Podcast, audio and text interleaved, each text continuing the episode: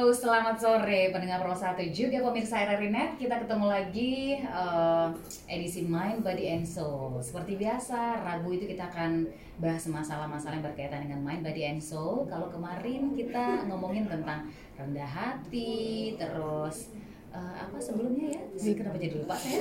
dipuji tak tumbang. Oh, dipuji. Uh, tak terbang. Iya, tak terbang. Iya. Nah, sore hari ini sudah kembali ya uh, narasumber kita yang cantik ya. Beliau ini uh, seorang uh, konselor ya. Uh, speaker terus hipnoterapis juga. Yang jelas orang yang uh, piawai banget bikin puisi. Weh, puitis lah pokoknya ya. Mbak Amela Devina selamat sore. Hai sore juga Mbak Feli dan semuanya. Sore ini kita mau bahas apa nih Mbak? Nah ini masih berkaitan dengan perasaan-perasaan manusia juga. Eh, aku paling demen kalau yang berbau-bau sifat. Mm -hmm, Bener-bener. Kali ini judulnya menarik banget, Mbak Feli, yaitu Everybody Hurts. Cause everybody hurts. Uh, okay. bener banget. Aku mm -hmm. yang versinya R.E.M, Mbak yang versinya The Course. Gimana tuh yang The Course? Uh, sama, oh. sama. Cuman kan aransemennya beda. Uh. Yang satunya band rock, satunya pop ya. Mm -hmm. uh, everybody hurts. Setiap orang terluka, setiap orang bisa terluka. Ini maksudnya maknanya yang gimana nih yang kita ambil sore ini, Mbak?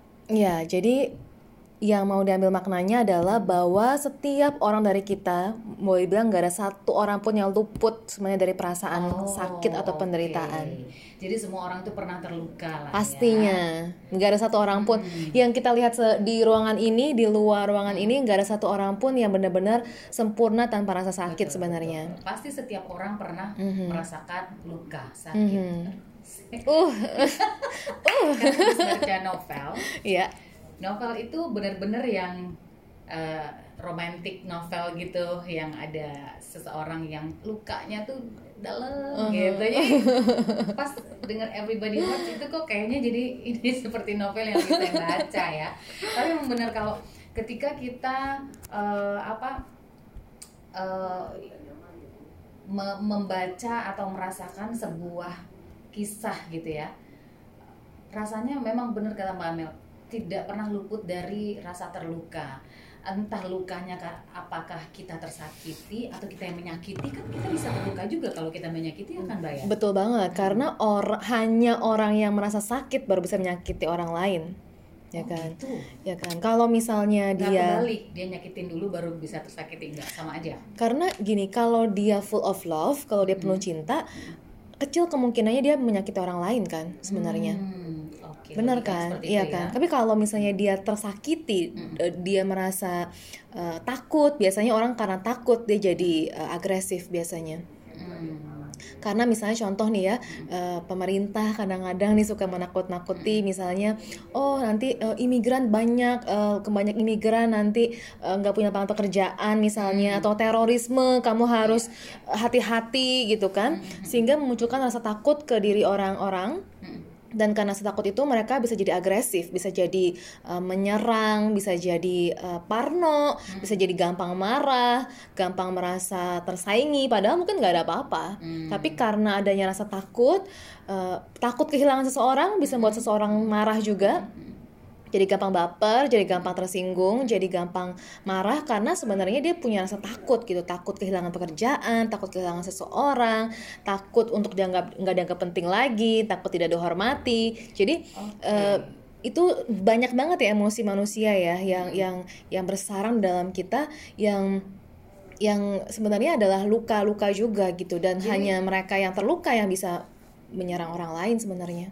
Jadi sebenarnya semua orang semua orangnya takut terluka sebenarnya ya. Oh iya, tapi, iya benar. Mm-hmm. Tapi setiap kita pasti pernah terluka. Pasti pernah gitu terluka, ya. pasti pernah terluka. Jadi yang yang pengen diomongin di sini sebenarnya Mbak Feli hmm. di Indonesia ini kan boleh dibilang banyak orang itu seneng banget ya uh, ngebully gitu ya uh, di uh, sosial media iya, misalnya iya, iya. atau nggak usah sosial media deh di hmm. kehidupan nyata pun karena kita ada perbedaan misalnya kita jadi gampang menghakimi orang lain Iya, iya. padahal sebenarnya kita tuh sama aja gitu loh nggak nggak nggak terlalu beda di luar dari penampilan fisik kita di dalamnya tuh sama-sama pesakitan sebenarnya Gitu ya. itu yang yang yang Oke. yang saya mau bilang sih maksudnya Mm-mm. Eh ngapain sih kita ribut-ribut banget? Sebenarnya tuh kita tuh nggak jauh beda. Senasib iya, gitu loh sama-sama pesakitan sama-sama ngerti rasanya disakitin tuh kayak Iya, gimana. iya, iya, tapi tetap aja gitu kan eh, orang nggak nggak mikir gitu. Makanya kita pengen ajak supaya yang mendengar juga bisa semakin berpikir bahwa jangan-jangan orang yang menyakiti kamu juga sedang sakit sebenarnya orang yang kamu Oke. hakimi juga sedang sakit gitu kan. Oke. orang yang kamu anggap tidak mengerti apa-apa juga sedang sakit. Dia punya penderitanya sendiri. Kita nggak bisa judge dia sembarangan. Dia pasti sedang sakit Iya, juga. Termasuk juga mungkin kita ketika kita melihat orang lain itu sukses. Ketika kita melihat orang Oh, lain iya. kaya. Iya, iya. kita pasti mikir pasti hidupnya nggak sesusah kita deh gitu. benar pasti dia iya itu dia terus. tapi enggak enggak banget Iya. itu sebenarnya mereka punya luka sendiri Pasti, gitu ya. karena kalau misalnya sibuk banget, dia kaya raya banget, ada kemungkinan dia juga sangat sibuk biasanya. Dan kalau sangat sibuk, biasanya dia punya hal yang dia korbankan, misalnya waktu dengan keluarga. Oke, iya, iya. Dia harus sangat tegas di, di depan anak buahnya. Mungkin dia juga capek untuk tegas terus, iya, iya. untuk terus ke sana kemari terbang ke sana kemari. terus gitu ya Betul. Eh, saya tahu ada pebisnis sukses yang eh, ini ya yang eh, di bidang travel gitu dia harus dia kadang-kadang suka susah tidur karena dia mikir nanti kuotanya terpenuhi apa enggak misalnya. Oh, Eh, karena dia kadang-kadang suka charter eh, pesawat lah, charter apalah gitu. Kalau nggak memenuhi nanti eh, kan biayanya over gitu kan oke oke banyak lagi sih. Jadi sebenarnya eh, ini juga ngomongin gini kita ngomong mungkin baru aja tadi teman saya curhat gitu ya di grup kita. Dia bilang "E, coba deh mungkin kalau gue lebih cantik, gue lebih pintar, lebih pintar cari duit, mungkin suami gue akan lebih perhatian dan gue akan merasa lebih diingini. Oke Padahal enggak, enggak juga. Banyak orang lebih cantik, lebih pintar, lebih segala-galanya, tapi tetap aja bukan jaminan dia Untuk pasti bahagia dan tidak terluka Betul, ya. betul. Enggak banget. Setiap orang pasti ada lukanya masing-masing. Pasti ada lukanya masing-masing. Enggak ada satupun yang luput. Ya, jadi itu yang harus kita sadari ya. Mhm. Dan ketika kita menyadari bahwa kita itu semua kita bisa terluka, eh, mungkin maknanya jangan melukai orang lain gitu kan ya. iya, benar-benar. Jadi sebenarnya ujung-ujungnya kalau kita misalnya mau ngomong soal karma nih, eh, Mbak Feli, karena kan orang suka berpikir karma itu, oh eh, Mbak Feli misalnya eh, apa ya misalnya eh, ngejahatin aku lah apa gitu ya. Oh karmanya nanti mbak Feli akan jahatin. Oh, padahal nggak selalu maksudnya seperti itu. Karma sendiri sebenarnya berasal dari kata yang artinya action jadi semua setiap aksi itu sebenarnya karma. Setiap hal setiap ucapan kita setiap pikiran kita setiap tindakan kita itu adalah karma sebenarnya.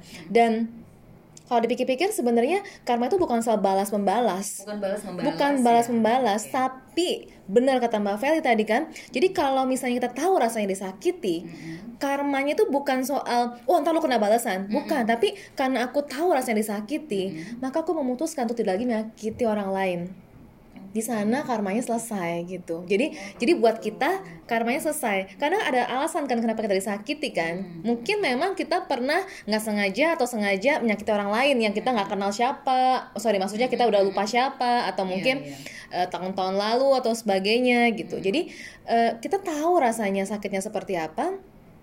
Jangan menyakiti orang lain sebenarnya pesannya simpel Itu ya. iya Hmm. Karena mungkin eh, setiap orang punya rasa sakit yang berbeda, punya kedalaman rasa sakit yang berbeda juga, punya cara yang berbeda juga untuk mengatasi rasa sakitnya ya Mhm, Mbak ya. mhm. Ada ininya nggak Mbak? Ada kategorinya nggak sih? Atau mungkin ada gambaran nggak sih rasa sakit itu se- seperti apa aja misalnya?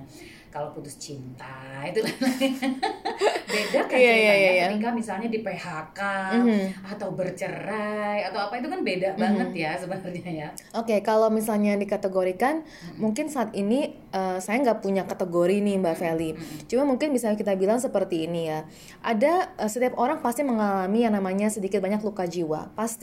Cuman ada orang yang memang mampu mengolahnya dengan sehat, kemudian luka jiwa ini justru bisa menjadi motivasi buat dia bertumbuh. Hmm. Ada ya banyak orang ya yang mungkin dihina miskin hmm. misalnya, tapi yeah, dia akhirnya yeah, jadi iya. bangkit untuk dia membuktikan bahwa dia hmm. harus uh, jadi orang yang mampu berdiri mandiri gitu kan. Hmm. Ada orang yang mungkin uh, karena patah hati hmm. dia jadi jadi wow iya. gitu jadi memperbaiki dirinya hmm. membuat yang meninggalkannya melihat lagi ke belakang apakah aku salah iya. nah jadi uh, itu contoh gitu kan yeah. ada orang yang bisa mengolah okay. luka jiwanya kategori hmm. pertama mungkin ya uh -uh ada orang yang bisa mengolah luka jiwanya menjadi hal yang bermanfaat buat dia gitu. Mm-hmm. Kategori kedua adalah orang-orang yang mengalami luka jiwa dan kemudian dia dia tidak dia belum berhasil gitu untuk keluar dan menyembuhkan dirinya hmm. sehingga itu berdampak ke hubungannya dengan banyak orang dan hmm. dirinya sendiri. Okay. Dia bermasalah dengan keluarga, dengan uh, pasangan, dengan anak uh, dan uh, dengan dirinya sendiri hmm. karena dia nggak menyayangi dirinya. Yeah, yeah, nah, yeah. tapi mungkin dia masih dalam kategori menjalankan hidup secara normal. Dia hmm. tetap ke sekolah, dia, dia tetap ke sekolah, hmm. tetap kerja, tetap punya anak gitu kan. Tapi dia yeah. dibilang benar-benar uh, pulih atau dia benar-benar bisa belum bahagia belum tentu. Nah, tapi ada juga yang kategori ketiga Mbak Feli di mana uh, orang mengalami luka jiwa yang sangat dalam sampai dia mempengaruhi hidupnya ya. Betul, sampai dia hmm. mungkin mengalami gangguan mental. Oh. Misalnya orang mengalami uh, uh, apa namanya um, kekerasan seksual iya dan dan gitu mungkin ya. kadang-kadang ya. bisa sampai depresi misalnya hmm. atau bipolar atau mungkin oh, okay. uh, skizofrenia atau mungkin juga uh, borderline personality disorder hmm. jadi uh, atau PTSD post traumatic stress disorder jadi ada banyak ada itu itu namanya label sih ya tapi mm -hmm. di luar label pun uh, ada orang-orang yang akhirnya menjadi begitu terpengaruhnya sampai itu mengganggu mental mereka dan membuat mereka untuk hidup normal. Oh, ada orang yang masih bisa hidup normal, iya, tapi nggak semua iya. orang bisa hidup normal. Jadi kalau kita mau kategorikan seperti ini, buat buat teman-teman yang memang buat pendengar gitu ya yang memang bisa mengolah luka jiwanya menjadi jadi hal yang bermanfaat buat dirinya hmm. jadilah terang buat teman-teman sekitarnya hmm, berbagilah ya berbagilah karena jadi motivator buat mereka betul hmm. karena kalian dibutuhkan di masyarakat gitu iya, untuk iya. bisa mendukung orang iya. lain hmm. bisa bisa berempati bisa hmm. mengulurkan tangan menjadi pendengar yang baik hmm. gitu karena setiap orang membutuhkan itu kita saling support gitu kan dan buat uh, pendengar dan teman-teman yang memang merasa di kategori kedua hmm. merasa butuh bantuan tidak perlu malu gitu loh untuk mencari bantuan. Karena zaman gini hari gini udah nggak kayak orang tua kita ya, ya, ya yang iya. kalau ke konser atau psikolog tuh kesannya kayak orang gila gitu kan. Tapi ya, kalau sekarang kan nggak gitu. Ya, sekarang semua orang udah jauh lebih terbuka dan justru orang yang berani meminta bantuan adalah orang yang kuat menurut aku orang yang hebat hmm. karena dia tahu apa yang dia mau dan dia tahu dia mau pergi ke mana dan dia ingin hidupnya tuh betul bahagia dan betul sehat, gitu iya ya. dan dia do what it takes gitu loh hmm. untuk menuju ke sana jadi menurut aku oh justru orang-orang yang berani ini adalah orang-orang yang uh, bisa meminta bantuan hmm. gitu okay. dan kalau yang sudah kategori ketiga hmm. ya ya uh, perlu perlu dukungan besar dari keluarga ya hmm. untuk bisa agar teman-teman di kategori ketiga ini uh, tetap bisa bertahan hidup dan bangkit dari keterpurukannya. Tidak hanya sekedar hidup seperti hidup segar mati tak mau. Betul, gitu ya. perlu Tapi sangat iya. besar dukungan dan cinta dari keluarga sih hmm. supaya mereka bisa tetap uh, mengajukan pengobatan, hmm. entah itu obat ataupun ke psikolog atau konselor. ya. Ya, semoga bisa gitu. Tapi hmm. jangan sampai juga teman-teman yang kedua ini hmm. kategori kedua karena kalian nggak minta tolong ya. akhirnya jadi yang ketiga jadi yang gitu okay. itu kan merusak hmm. merusak semuanya nantinya sayang sekali oke okay. gitu. kita akan ngobrol tentang everybody hurts ini lebih dalam lagi ya anda kami ajak bergabung pendengar satu juga pemirsa RRI Net silakan yang pengen sharing atau ingin nanya sama Mbak Amelia Devina 081212349912 Lintas Jakarta Sore masih di Mind, Body and Soul, uh, Feli Syukran masih bersama dengan Mbak Amelia Devina dan kita masih ngobrol tentang Everybody Hurts. Jadi semua orang pasti pernah terluka, semua orang pasti uh, tidak mau terluka juga, tapi mm -hmm. ya. Mm-hmm. Nah, gimana caranya mengatasi luka dan lain sebagainya? Nah, ini yang mungkin saat ini juga belum tahu gimana sih caranya menterapi diri dari rasa luka, cie. Boleh bergabung ya. Insya Allah Mbak Amel akan uh, bisa sharing untuk kita semua. 0812 1234 912 Nih Mbak Mel ada Bu Fia lagi nih Oh Bu Fia hai ya. Mbak Mel gimana caranya melatih agar supaya kita tidak menyakiti orang Oh ini ini rada serem Iya, bagaimana supaya kita tidak menyakiti uh, orang lain tapi gitu ya? Tapi kita nyakitin orang tuh juga nggak nggak nggak berniat ya, nggak sengaja. Uh -huh. Betul, hmm. uh, bisa jadi uh, kita nggak sengaja. Kalau udah sengaja, berarti Hobi, ya? mungkin jadinya kayak ada dendam mungkin ya. Kalau jadi sengaja, jadi sudah terlanjur dendam, ya? udah terlanjur dendam hmm. betul. Um, Oke, okay, aku jawab dulu deh soalnya pengen ngebacain ini nih sebenarnya tulisan. Oh, oke. Okay. Oke, okay, coba jawab dulu deh pertanyaannya Bu Via. Jadi gimana caranya supaya mati diri tidak menyakiti orang lain? Hmm. Nah, biasanya seperti yang tadi kita bilang nih Mbak Feli, kita uh, menyakiti orang lain karena kita sendiri biasanya tuh ada rasa takut atau rasa tersakiti gitu. Hmm. Baru kita bisa menyakiti orang lain biasanya. Jadi um, itu bentuk self defense gitu atau salah satu bentuk self defense juga hmm. sebenarnya contoh nih ya kita kasih contoh apa ya misalnya hubungan suami istri deh kali ya biar hmm. lebih seru ya hmm. misalnya hmm, biasanya ada kalau suami istri kan suka kadang-kadang ribut-ribut kecil gitu ya hmm. tapi ada juga tipe yang kalau ribut kecil itu um, bagi istrinya mungkin penting, bagi suaminya mungkin nggak terlalu penting, ya kan? Kadang-kadang yeah, yeah, gitu biasanya gitu, gitu. ya biasanya gitu kan. Nah jadi istrinya udah mau ngajak ngomong, suaminya yang akhirnya melepir gitu, dia merasa ah udahlah aku mendingan daripada ribut, mendingan aku diam. Hmm. Betul kan? Hmm. Tapi biasanya perempuan itu sukanya mm, nyecar terus gitu. Iya, iya. Kayak mungkin suaminya belum mau ngomong atau mungkin dia lelah atau hmm. mungkin dia juga bukan tipenya, mungkin atau kita juga konflik. menghindari konflik kita juga mungkin bukan iya. tipe yang yang bisa ngajak uh, mancing dia hmm. dengan sehat. Hmm. Akhirnya uh, kita nyecar terus akhirnya beneran marah gitu. Misalnya, kadang-kadang ini kayak masalah klasik ya, iya. saudara-saudara. Uh, dan ini kerap kali terjadi di rumah yeah. tangga. Iya. nah, jadi so, akhirnya suaminya marah beneran gitu, marah beneran dan akhirnya jadi bener-bener marahan gitu kan benar-benar marah. Jadi um, gimana caranya itu supaya nggak terjadi gitu? Hmm. kan saling menyakiti jadinya ya. Hmm. saling menyakiti.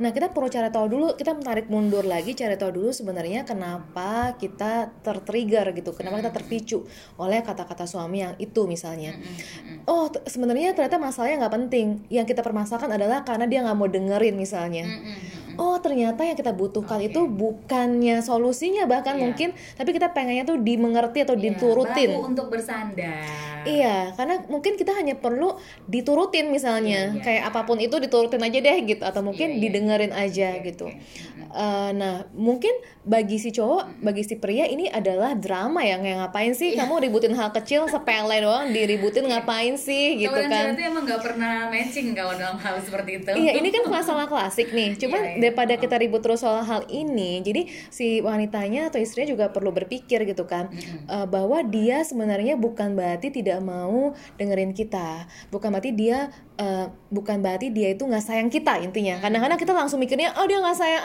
aku dia dia nggak mau dengerin dia nggak peduli aku, betul gitu. mungkin sebenarnya memang bagi laki-lakinya bagi suaminya itu bukan hal penting untuk di, di untuk diributin gitu hmm. misalnya bener kan jadi yeah, yeah. karena istrinya juga perlu berpikir bahwa Oke, okay, kalau aku pengen didengerin, caranya nggak gini. Caranya bukan ngajak ribut, iya, iya, ya iya, kan? Iya. Maksudnya, oh ada cara lain loh untuk bisa dimanja dan didengarkan dan disayang tanpa harus ngajak ribut hal kecil. Bener bener juga kan kalau dipikir-pikir kan jadi kita iya. perlu cari tahu dulu trigger ini tuh datangnya dari mana ternyata the trigger datang hanya karena kita ingin dimanja, didengarkan, disayang, diperhatiin, diperhatiin, dan karena kita tidak mendapatkannya, kita jadi merasa oh dia nggak peduli, dia nggak sayang, hmm. dia, kita jadi takut, hmm. bikin takut, luka sendiri ya? betul, bikin luka takut kehilangan dia, takut dia nggak nggak sayang oh, lagi, takut nggak okay. peduli, akhirnya kita jadi agresif. Untuk rasa sendiri. Betul, kita jadi agresif kan, jadi kayak kamu ya nggak mau dengerin aku uh, gitu, kamu okay. tuh gimana sih kok nggak bisa ya dengerin sebentar aja, nurut ke sebentar aja, jadi kayak kita langsung wow karena udah bikin kesimpulan dan ngejat sendiri betul gitu kan. betul nah okay. jadi itu masalah klasik banget nih hmm. uh, saudara-saudara setanah air ini semua semua rumah tangga mungkin pernah ngalamin kayak gini ya cuman Jadi, iya kalau, kalau perempuan itu memang uh, apa pun menjadi drama gitu ya kalau laki-laki masalah besar tuh seolah juga tidak kelihatan gitu. Iya. Nah, mungkin kebiasaannya ini yang susah Betul. Nah, nah, ya. nah,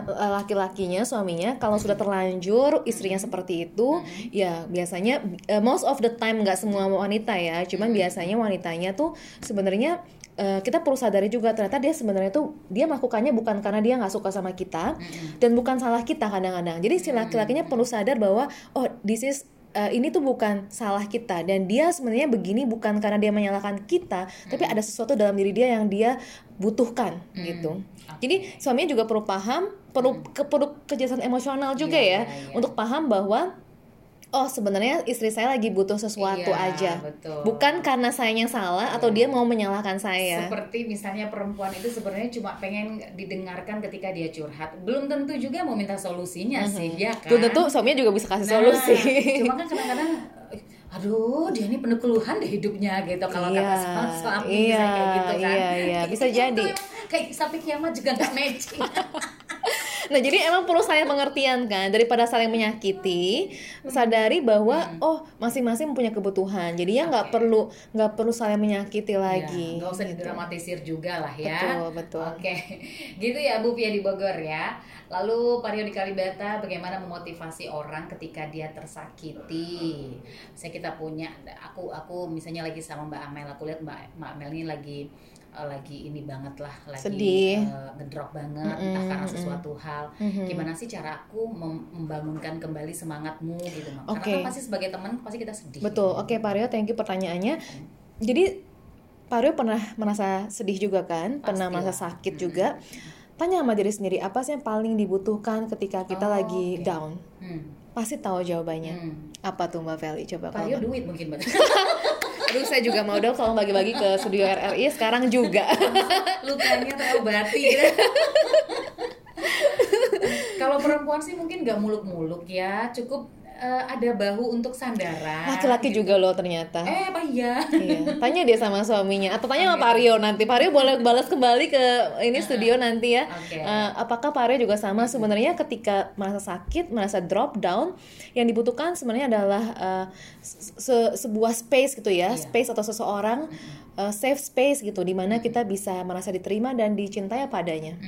Hmm. Karena semua manusia sama sih, nggak laki nggak perempuan. Didengarkan dulu paling tidak gitu ya. Iya, dan kalau misalnya kita ya kita nggak tahu pertamanya seperti apa, paling tidak kehadiran kita saja sudah sangat membantu sebenarnya. Oke. Hadir sepenuhnya tanpa judgement itu penting ya, tanpa Iya, judgement. Iya, iya. Jangan orang baru curhat langsung kamu sih. Gitu. Aduh, banget ya, iya.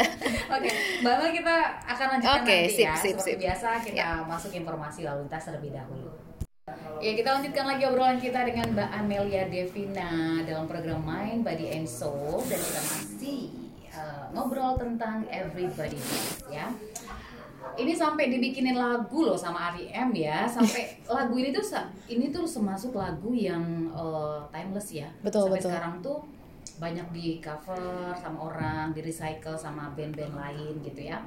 Artinya tentang uh, semua orang bisa terluka itu se- sebenarnya sudah sangat difahami oleh uh, semua orang juga mungkin gitu ya. Cuma kadang-kadang kita nggak menyadari ya Mbak kalau uh, kita ini gampang terluka, tapi kita gampang melukai orang Mhm, gitu ya. mhm. Nah tapi terus kita juga uh, gampang terluka, tapi nggak cerdas juga mengobati luka kita dengan Mhm. cepat gitu. Nah ini kayak kayak gini yang entah bodoh, entah kurang ini kayaknya kita masih banyak banyak baca, banyak sharing ini. Iya, Hmm. jadi eh, tadi kan kita sempat ngomong ya Mbak Feli soal tiga kategori tadi nih, Iya, ya kan? iya. Ada orang yang bisa mengolah luka jiwanya menjadi Betul. eh, yang bermanfaat buat dia, ada juga yang malah akhirnya jadi eh, petaka buat eh, keluarganya, ada yang sampai mengalami gangguan jiwa gitu. Jadi dan mungkin penyakit yang parah gitu ya, penyakit yang parah. Jadi eh, betul, memang nggak semua orang mempunyai kemewahan ya mungkin aku bilang untuk punya akses terhadap pengetahuan Iya. cara untuk menyembuhkan luka eh, atau kedewasaan atau mungkin kebijaksanaan. Nggak semua orang memiliki kemewahan itu. Tapi orang yang sudah punya kemewahan itu pun belum tentu mempunyai kemampuan untuk melakukannya gitu. Misalnya dia bisa aja bayar psikolog termahal gitu ya. Tapi belum tentu itu bisa mengobati dia juga belum tentu. Kalau memang dianya sendiri belum punya kemampuan ya untuk bisa eh, bijaksana atau cukup dewasa untuk mengolah itu semua jadi memang uh, tiap orang perjalanannya beda-beda. Oleh karena itu kita pernah dengar dari Mbak ya quote yang bilang bahwa kita nggak bisa menghakimi orang yang kita temui di di jalan gitu, karena kita nggak pernah tahu seperti apa sih luka Iya. yang mereka punya Iya, sebenarnya. iya. Itu benar, menurut saya benar banget gitu ya, karena uh, kita nggak bisa dengan mudah menghakimi orang yang misalnya uh, membunuh bahkan gitu. Atau mungkin uh, teroris bahkan. Atau mungkin orang yang uh, anggap aja dia uh, apa melakukan pemerkosaan kayak atau mungkin uh, apa itu kan tindakan yang sangat-sangat fatal ya. Iya, iya. tapi ada mungkin alasannya kenapa dia seperti itu gitu Uh, kadang-kadang alasannya bisa dimaklumi uh, tapi kadang-kadang mungkin ada yang secara hukum Ada udah nggak bisa iya, iya, gitu betul. Oke. Mhm. Oke. Iya. Nah ini uh, pingin banget Mbak Feli sharing dari Instagram lagi ya Instagram saya Amelia Devina 777 buat yang belum follow. ya. Amelia Devina 777. Jadi uh, kemarin sempat bikin tulisan mengenai um, hal yang berkaitan lah ya dengan Everybody Hurts ini. Pingin bacain supaya uh, moga-moga gitu bisa jadi um, sindiran halus gitu ya untuk untuk yang mendengar. Aku bacain ya. Reminder juga mungkin. Iya. Eh, perasaan adalah hal yang membuat manusia bisa saling menyadari bahwa kita tidak terlalu berbeda satu sama lain. Kita tahu rasanya gembira, kita juga tahu apa rasanya menderita. Dan demikian alangkah indahnya kalau kita bisa saling menjaga. Tapi kenyataannya tidak begitu. Aku tahu rasanya bahagia dan aku tidak mau orang lain ikut bahagia juga. Karena kalau orang lain lebih bahagia daripada aku, atau lebih hebat daripada aku, akan semakin kecil kesempatan buatku untuk jadi nomor satu. Siap-siap terluka nih orang seperti ini bukan? Ya kan? Lanjut lagi dikit. Oke. Aku tahu rasanya menderita dan aku tahu sikapku sering bikin orang lain menderita juga. Tapi aku lebih memilih untuk diam dan diam dan diam karena lebih baik menderita sendirian dan menjadi korban ketimbang membahas masalah yang seakan tidak punya jalan keluar. Pesimistis. Perasaan adalah hal yang bisa membuat manusia saling menyadari bahwa kita tidak terlalu berbeda satu sama lain. Tapi aku memilih untuk menutup diri dan berpura-pura. Apa nanti kata orang? Bukankah mereka hanya ingin mendengar hal yang baik saja? Bukankah aku sedang berlomba untuk menjadi sempurna? Berusaha meyakinkan diri bahwa semua usaha yang aku lakukan sebenarnya tidak sia-sia. Oke, ini ini tiga bentuk self defense ya. Lucu ya, Mbak Meli. Ini kayak tadi- sindiran sindiran gitu sih sebenarnya tujuannya. Tapi aku paling ngeri yang pertama tadi. Yang pertama ya, oh Paling ya, ngeri itu karena kayaknya eh, itu udah bukan sakit ya mbak, tapi apa ya ada agak-agak tapi ada Mbak Feli orang yang seperti itu. Sebenarnya ada loh. Eh, halus ataupun kasar ya. Maksudnya kasar tuh bener-bener dia menunjukkan dia nggak mau kalah dari orang. Tapi ada juga yang bentuknya halus. Mungkin dia nggak pernah bilang ke siapa pun, tapi dia dalam hati merasa bahwa ah aku kurang suka ya kalau dia lebih bagus dari aku. eh, serem sih kalau gue bilang. iya, tapi gini, eh, aku juga nggak bisa menghakimi orang yang seperti ini. Aku aku bisa relate sama perasaan ini. Eh, mungkin nggak separah yang digambar ditulis di sini ya, tapi aku bisa ngerti perasaan. Kadang-kadang aku pun bisa merasa bahwa ih eh, gila ya dia lebih keren, lebih keren, Eh, enak ya misalnya. eh, kok dia bisa sih kayak gitu gitu, Eh, atau mungkin. hmm, harusnya aku juga mau dong bisa kayak gitu misalnya jadi ada mungkin perasaan-perasaan seperti itu. Jadi menurut menurut aku sebenarnya perasaan seperti ini manusiawi juga. Bukannya berarti sekali lagi ya kita udah Iya, bahas iya. minggu lalu bukannya hal yang perlu dibuang atau mungkin di, di, di dibenci gitu ya. Tapi kita hanya perlu mengerti sebenarnya oh saya merasa seperti ini karena saya juga membutuhkan uh, pengakuan, saya butuh uh, prestasi juga, saya pengen dipandang juga, saya pengen bisa merasa hidup saya berarti juga gitu. Jadi sebenarnya uh, ini sebuah sindiran halus aja sih ya buat semua yang mendengar gitu bahwa jangan-jangan kita adalah orang itu gitu, adalah orang yang nggak suka buat orang lain berbahagia dan uh, kita eh, kita tahu rasanya bahagia. Kita tahu persis enaknya tuh kayak gimana bahagia. Tapi kita nggak mau orang lain bahagia juga. Karena kita takut kalau orang lain bahagia atau lebih bahagia dari kita kita nggak akan sangat bahagia gitu. Bahagia kita jadi ber- berkurang kadarnya barangkali gitu. Nah jadi eh, itu hal yang sangat menarik. Jadi sebenarnya orang yang bisa berbahagia atas kebahagiaan orang lain dia eh, cukup bijaksana gitu ya. Dia adalah orang yang cukup bijaksana gitu Hmm, Oke, mm-hmm. tapi kalau si apa rasa seperti yang pertama tadi tetap dipupuk, dia punya ekspektasi yang sangat tinggi harus menjadi the nomor best, satu dan nomor sebagainya satu. betul itu takutnya nanti dia betul kecewa gitu ya nah jadi kita juga uh, sempat bilang ya ini kan kayak berkaitan juga ya sama yang bahasan sebelumnya mengenai rendah hati dan sebagainya oh, oh, oh. jadi orang-orang seperti ini tentu sangat menderita mm -hmm. karena dia harus selalu menjadi yang terdepan okay. kalau pas nggak terdepan gimana dia akan sangat-sangat okay. nah. uh, menderita oke okay. yang kedua tadi mbak yang kedua tadi uh, aku mendengar nada pesimistis sekali gitu ya. Apa jadi seperti seolah uh, setiap masalah ini kayaknya udah deh nggak bakalan juga uh, ada gunanya nggak bakalan juga ada yang dengar ya udah nggak apa-apa aku uh, aku pendam hmm, sendiri hmm, aja. Hmm, hmm. Eh itu yang kedua apa yang ketiga kedua, ya? Kedua, benar ya? kedua. Nah yang kedua ini adalah gambaran banyak banyak dari kita juga barangkali orang-orang uh, yang tahu dia sebenarnya menderita, tapi kita juga sering bikin orang lain menderita hmm. karena penderitaan kita juga barangkali, hmm. tapi kita memilih untuk nggak menyelesaikan masalahnya banyak banget orang kayak gitu mbak menikmati derita itu gitu ya tanda kutip ya hmm. mungkin dia nggak nggak menyadari kalau dia sedang menikmati dan hmm. kadang-kadang senang menjadi korban kayak aduh gue menderita banget laki gue gini gini gini gitu tapi tapi yeah, yeah, dia yeah. lupa bahwa kebahagiaan kita itu tergantung kita sendiri gitu yeah. kan kita nggak bisa menyalahkan pihak luar terus hmm. kita perlu berbuat sesuatu kalau sesuatu mau berubah gitu jadi iya. nggak yeah. kalau diam doang tuh nggak ada gunanya menjadi korban juga nggak ada gunanya kita perlu membahas sebenarnya kita perlu cari solusinya perlu komunikasi jadi itu sebenarnya kayak sindiran lagi ya buat iya. orang-orang yeah. yang cenderung mendiamkan masalah. Tapi biasanya ini perempuan.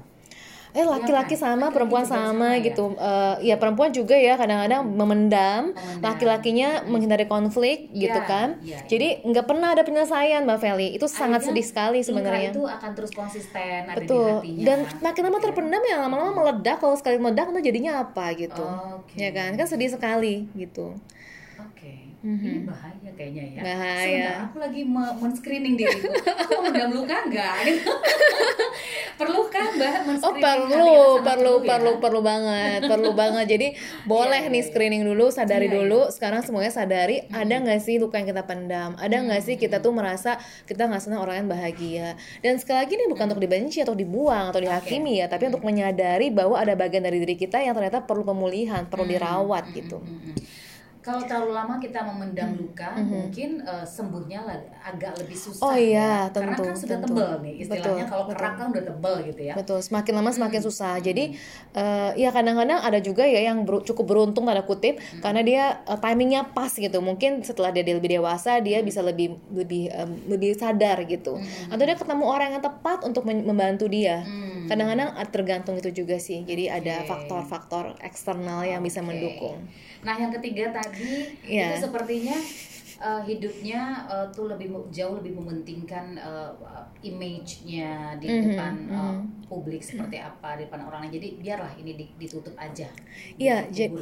Iya, ini kayak gitu ya, benar. Ini yang kita pernah bahas juga ya Mbak Feli hmm. di topik main body and soul ini bahwa uh, manusia apalagi di sosial media sekarang di masyarakat kita setiap orang berlomba untuk tanda kutip ya berlomba untuk jadi sempurna. Sehingga ketidaksempurnaan kita akan dipandang jelek sama orang. Kita nggak siap untuk jadi vulnerable. Kita nggak siap untuk orang menghakimi kita. Kita nggak mau dipandang jelek atau rendah gitu kan. Jadi yang tadi aku bilang adalah Uh, kita tahu kita saling kita sama-sama menderita. Kita tahu semua kita tuh menderita sebenarnya. Tapi kita lebih suka berpura-pura berpura-pura bahagia gitu. Okay. Karena apa? Karena kita merasa ah orang pengennya lihat yang bagus-bagus aja. Hmm. Orang pengennya yang dengarnya enak-enak aja. Bukankah kita semua sedang berlomba untuk jadi sempurna? Hmm. Ini sindiran sih sebenarnya. Iya, iya. Ini juga mbak, uh, aku kan pernah juga ya sharing uh -huh. dengan beberapa temen, terutama temen cewek. Uh -huh. uh, ada sebagian dari mereka itu uh, di media sosial itu mm -hmm. sangat terbuka ya. Mm. Ah lagi berantem sama suami atau apa tuh di posting. Oh, iya itu agak beda juga nah, sih ya. Terus ada uh, tapi ada juga mm-hmm. beberapa temen yang kurang lebih sama dengan aku. Uh, karena bagiku media sosial itu adalah uh, personal branding gitu ya. Jadi aku memposting misalnya yang kerjaanku, uh, bla bla bla, yang bagus-bagus gitu. Mm -hmm. Tapi bu bukan berarti misalnya niatan kita untuk menipu publik bahwa kita adalah orang yang selalu bahagia? Enggak. Mungkin ini adalah yang yang patut orang konsumsi uh, selainnya okay, iya, tapi iya. kalau yang misalnya masalah kita lagi terluka atau apa uh, teman-temanku juga rata-rata bilang oh orang nggak perlu tahu biar aku Mhm. aja gitu. Mhm, nah kalau itu mungkin bukan munafik ya mbak ya? Oke, ya mungkin ag- bisa dibedakan juga sih karena kita eh, tiap orang kan sifatnya beda-beda ya mbak. Dan tergantung profesinya apa gitu. Eh, ya kalau misalnya profesinya pet- petugas keamanan gitu, mungkin dia nggak mungkin cerita seperti itu ya di publik buat apa juga gitu kan, nggak perlu nggak perlu mungkin. Tapi em, tergantung siapa kita dan apa pesan yang kita mau sampaikan barangkali. caranya juga menyampaikan mungkin bisa beda Betul ya. betul. Jadi eh, karena kalau misalnya profesinya seperti aku sangat relevan mbak untuk bicara misalnya. oh iya Iya kan, karena itu mengajak kita untuk Iya, mer- un- ya iya, pokoknya. untuk untuk merasakan luka kita gitu. Jadi agak beda. Iya, Cuman iya. paling tidak di circle kita, pertemanan kita atau mungkin ya terutama teman lingkungan, lingkungan teman baik kita deh Eh, karena eh, contohnya deh ya eh, aku sendiri sama teman-teman perempuan gitu ya di WhatsApp grup misalnya. Belakangan aku mulai semakin eh, rajin gitu untuk untuk sharing hal yang menurut menurut aku barangkali memalukan gitu sebenarnya. Atau mungkin hal yang yang yang tabu atau eh, orang jarang bahas gitu. Misalnya soal uh, seks kah atau keuangan kah? Itu kan hal-hal yang jarang orang mau bahas ya karena kesannya tuh udahlah nggak jangan bahas begituan. Tapi kadang-kadang mengenai rumah tangga atau mengenai uang mengenai seks itu adalah hal yang uh, kita tuh butuh support satu sama lain. Oke. karena barangkali teman kita membutuhkan dukungan kita gitu. Dan ternyata memang betul gitu. Kita tuh perempuan jangan yang saling uh, menikam gitu kan atau mungkin membandingkan. Tapi eh apalagi kalau pertemanan gitu ya persahabatan saling dukung gitu kan. Jadi oh ternyata kamu ada kesulitan mengenai suami kamu kayak gini atau mungkin keuangan kamu kayak gini atau apa hubungannya seperti ini. Nah kita ada untuk saling mendukung karena kita semua tahu rasanya sakit tuh kayak gimana. Iya, iya, intinya everybody hurts so Iya. help each other out gitu loh. nah itu itu yang harus di underline ya bahwa iya pesan utamanya. kita harus saling mensupport satu sama lain. Jadi ketika bukan menjatuhkan. Iya, ketika ada yang terluka, kita tahu jangan senang di atas penderitaan orang malah syukurin gitu. Tapi Iya. salah banyak juga gitu. banyak nah maka, maka karena itu gitu kita tahu rasanya menderita seperti apa jadi eh, jangan biarkan teman kita menderita sendirian gitu karena kita tahu rasanya sakit seperti apa Iya. maka jadilah eh, penolong buat teman kita yang sakit juga saling bahu membahu kita tuh eh, mati gini-gini juga ya mbak Feli ya. Maksudnya mati nggak bawa apa-apa juga. Dan eh, ujung-ujung kita mati juga. Semua orang mau kaya mau miskin mau Iya, iya. pintar mau nggak pintar semuanya ujungnya ya. benar akhirnya semuanya mati juga. Jadi apa sih yang mau diperjuangkan sebenarnya? Gitu. Jadi kembali setiap orang menderita. Why not help each other out? Itu yang eh, harus eh, menjadi eh, poinnya ya hari Mhm, ini. mhm. Artinya ketika kita pernah merasakan terluka, jangan pernah untuk melukai orang lain. Dan ketika kita melihat diri kita terluka atau orang lain terluka, kita harus saling mensupport satu sama Iya, lain. ya. dan kalau tahu kita terluka, tahu kita terluka, eh, sembuhkan luka kita juga, rawat luka kita, cari bantuan kalau perlu. Karena kalau kita terluka, kita rentan untuk melukai orang lain, Oke. atau bahkan sudah hampir pasti bisa melukai orang lain. Oke, baik. Mhm. Mbak Mel, kita masih punya dua menit. Eh, aku bacain Oh. dua WhatsApp lagi. Oke, oke, oke, kita baca. Ada Lina di Bekasi. Hal-hal yang bermanfaat apa saja ketika dia tersakiti? Hah? Maksudnya? Hal-hal yang bermanfaat apa saja ketika dia tersakiti? Ada Bu Sinta di Cinere. Introspeksi diri seperti apakah agar kita bisa menjadi orang yang baik tidak pernah menyakiti orang lain? Oke, Mungkin pertanyaan pertama tadi ulang lagi, aku coba. juga nggak terlalu Co- co- paham coba ya. boleh sekali, sekali lagi aku coba ini. Eh, hal-hal yang bermanfaat apa saja ketika dia tersakiti ketika dia tersakiti, ketika seseorang tersakiti, itu maksudnya mungkin mungkin tadi dari pernyataan pertama kategori pertama tadi kali ya, misalnya Hmm. bisa mengolah luka jiwa itu kali ya. aku eh, coba nggak apa-apa deh Oh oke, oh, oh. Ini aslinya. ada bintang Oh, tamu, kasih. oh ya ampun Terima cameo-nya datang. oh em, oh ini beda lagi nih kayaknya nih Hmm, kita skip aja gitu ya karena aku juga nggak paham Oke, pertanyaannya baik apa. baik. Kalau mau perlu banget nanti minggu depan Iya. tanya lagi ya ibunya. Oke, ini ada Mbak Tia. Eh, Assalamualaikum Mbak Mel. Saya setuju. Setiap orang pernah merasa terluka. Bahkan pebisnis yang sangat berhasil banget Mhm. karena tidak Sabtu Minggu acaranya bis bicaranya bisnis, ketemu keluarga bicaranya bisnis, Mhm. ketemu rekan bicara bisnis, Betul betul. teman arisan bicara bisnis. Nah, apa tidak bete tuh suasana seperti itu? Tapi karena dapat mengolah suasana perasaan maka terli- terlihat seperti senang saja dalam setiap langkahnya. Artinya maksudnya setiap orang itu sebenarnya punya rasa sedih dan uh, terluka masing-masing, tapi mungkin mereka memanagenya juga dengan cara Iya, masing-masing. setiap ya. orang menanggung beban masing-masing Iya. sih. Jadi eh, kadang-kadang kita lihat ya pejabat pemerintah gitu ya, hari Sabtu Minggu mereka harus tetap datang ke rapat inilah, pembukaan inilah. Kalau dipikir-pikir kapan liburnya tuh ya para para pejabat ini gitu misalnya gitu kan. nggak punya me time mereka Iya, itu. ya, mungkin ada pejabat yang banyak mitamnya juga sih. Cuman ya kita kita lupakan Iya, iya, mereka. iya. Tapi oh, pejabat yang benar-benar bekerja itu luar biasa gitu kan. Atau mungkin dokter ya, yang benar-benar nggak ada waktu untuk keluarga, hampir nyaris gitu ya, karena mereka harus operasi, ber- berdarah-darah jamnya, udah gitu dia harus subuh subuh juga harus tetap Iya, menolong gitu kan. terus gitu Betul. Nah jadi em, para aparat keamanan, TNI Polri gitu kan, itu kan luar biasa sebenarnya. Jadi setiap kita nggak bisa menilai orang hanya dari luarnya, karena tiap orang pasti menanggung bebannya Karena kita bu- masing-masing. tidak menjalani seperti apa yang mereka rasakan. Betul, gitu betul. ya. Setiap orang bahkan sekaya apa pun, yang katanya secantik apa pun, sepintar apa pun pasti menanggung bebannya masing-masing. Justru semakin tinggi semakin besar, Mbak. Gitu ya. Kebayang nggak sih seorang Pak Presiden lebih- misalnya atau mungkin seorang Oprah Winfrey sekali non kalau kita siaran Mbak ya nonton cuma segelintir. Tapi kalau yang siaran Oprah Winfrey yang menghakimi berapa banyak mata dan mulut gitu kan.